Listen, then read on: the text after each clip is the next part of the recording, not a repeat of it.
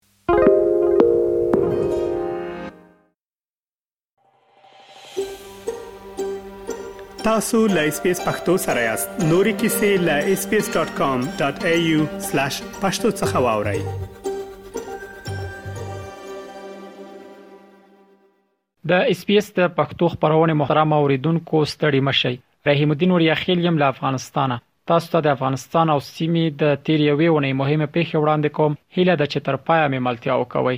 امریکا متحده ایالاتو تیر اونۍ له افغانستان سره د 220 میلیون ډالرو نوې مرسته اعلان کړه د امریکا د بهرنیو چارو وزیر انټونی بلینکن په خپل ټوئیټر پاڼه لیکلی ول چې هیواد یې دا اقدام له افغانستان سره د بشري مرستو په مخه کوي هغه همدارز لیکلی ول چې د متحده ایالاتو د مرسته په افغانستان او ګاونډي هیوادونو کې د بشري مرستو د غوښتنې په ځواب کې کیږي او د نړیوالو مرستندوی ټولونو لارې به تر سره شي ورته وخت کې د افغانستان لپاره د امریکا د متحده ایالاتو نوې شارټ زفیر بیا وویل چې د 2021م کال د اگست میاشتې راهیسې له افغانستان سره د واشنگټن مرستې څخه باندې 1.1 میلیارډ ډالر تر رسیدلی کران ډیکر په خپل ټوئیټر پاڼه لیکلی ول هېواد یې له افغانستان سره د بشرپاله مرستو یوازینی ستر تمویلوونکی هېواد دی. په افغانستان کې د اوږدو جګړو، دوامداره وچکالو او په تېره بیا له کله چې طالبان په افغانستان واکمن شوي، په ټول هېواد کې د اقتصادي فعالیتونو د درېدو له کبله خلک د خوړو له کمښت سره مخامخ دي له دې سره هممهاله ملګرو ملتونو او اړوندو ادارو لکه د خوړو نړیوال پروګرام په تیر یو کال کې څو ځلې خبرداری ورکړی چې د افغانستان له نیمایي زیات وګړي بشري مرستو ته اړتیا لري او له مرستندوی هیوادونو یې د مرستې غوښتنه کړې.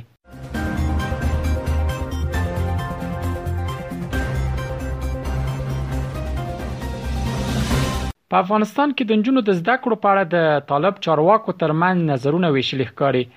د تېرې اونۍ د سې شنبې په ورځ کابل کې یوې غونډې ته د طالبانو حکومت دوو مهمو چارواکو پر همدې موضوع متضادې څرګندونې وکړې. د طالبانو د بهرنیو چارو وزارت سیاسي معین شیر محمد عباس ستانکزي وویل، تعلیم پر نر او ښځه فرض دی او په دې برخه کې د هېڅ چا شخصي نظر مهم نه دی.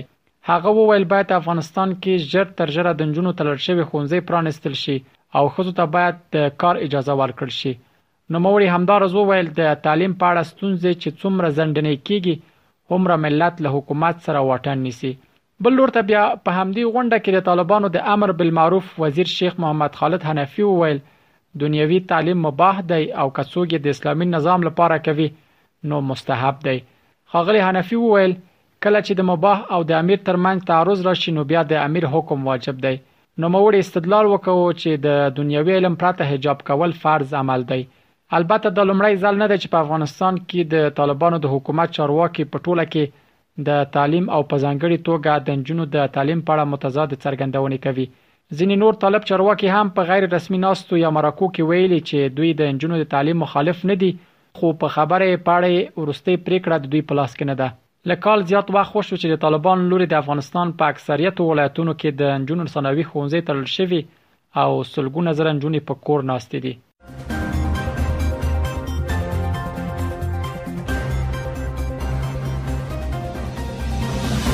تېره اونۍ د ملګرو ملتونو امنیت شورا د افغانستان په اړه ځانګړې ناسته وکړه.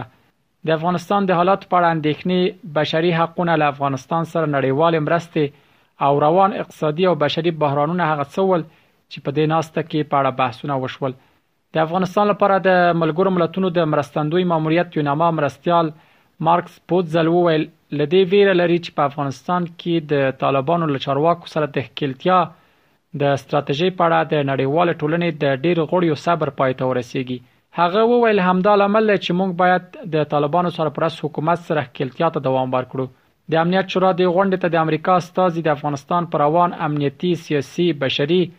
او اقتصادي وضعیت اندېښنه وښوده او ویې ویل، په افغانستان کې امنیتي او اقتصادي وضعیت لا په خرابېدو دی. دې غونډې ته د افغانستان په استازیتوب د پخواني حکومت استازولۍ سرپرست نصیر احمد فایق وینا وکړه او د طالبانو پر حکومت یې د کړو وړو په خاطر انتقاد سربېره له نړیوال ټولنې وغوښتل چې د افغانستان له خلکو سره خپل مرستو ته دوام ورکړي د چین استاذ یو ویل چې هیواد یې د طالبانو له حکومت سره خې اړیکې پاللي او په نړیوال ټولنې اعتقاد وکړ چې په طالبانو دې له فشار او مخالفت لاس واخلي او تعامل دې ورسره وکړي دا په یوه میاشت کې د ملګرو ملتونو امنیت شورا دویمه غونډه وه چې په افغانستان کې د حالات په اړه پکې بحث وشو.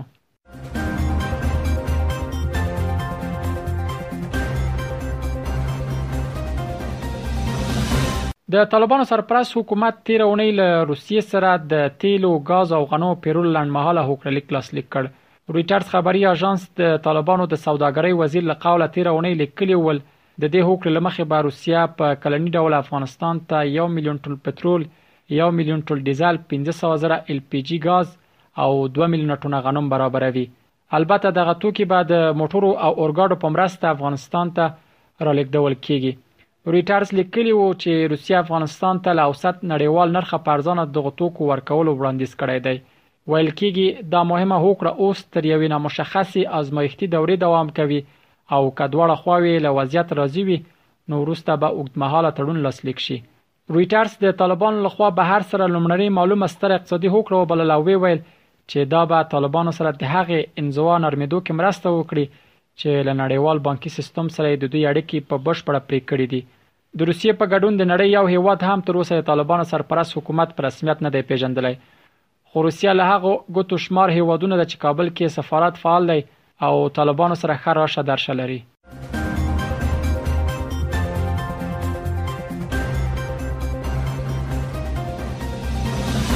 د دې اونۍ د پای موضوع هم دا چې تیره اونۍ د جمعې په سهار کابل ښار کې په یو تعلیمي مرکز ځانمرګی برید وشو چې لسګونو کسان ته پکې مرګ ژوبله واوښته دغه ځانمرګی برید د کاچ په نوم یو خونیز مرکز کې هغه مهال وشو چیرته چې د معلوماتو پر اساس یو سل پنځوس انجونې او هلکان د کانکور آزمایښتي آزموینې لپاره راټول شوي وو. د دغه ځانمرګي برید اکثره قربانیان انجونې وې. دغه ځانمرګی برید چې په کوم ځای کې وشو د کابل ښار د دشت برچي سیمې په نوم یادیږي او هلته اکثریت اوسیدونکي هزاره افغانان دي. دغه برید په کور دننه او بهر د بیلا بیلو سازمانونو له پراخ غبرګون سره مخ او په کلکه وغندل شو. وسلوالو طالبانو په کاج خونیز مرکز برید ستر وحشت وباله او د عاملینو د نیولو او مجازات کولو وعده یې وکړه دا لومړی ځل نه ده چې په یاد سیمه کې چاودنه رامنځته کیږي په دې سیمه کې لدې وړاندې هم بریدونه او چاودنې شوي چې د زیاتو ځمواري داعش ډلې پر غاړه اخیسته تر دې پیښ یو ونه وړاندې د کابل ښار په وزیر اکبر خان سیمه کې هغه مهال چاودنه وشوه چې خلک د جمعې د لمانځه څخه پر واتو کې ول دا د افغانستان او سیمې د تیر یوې ونې مهمه پیښه چې ما تاسو ته وړاندې کړې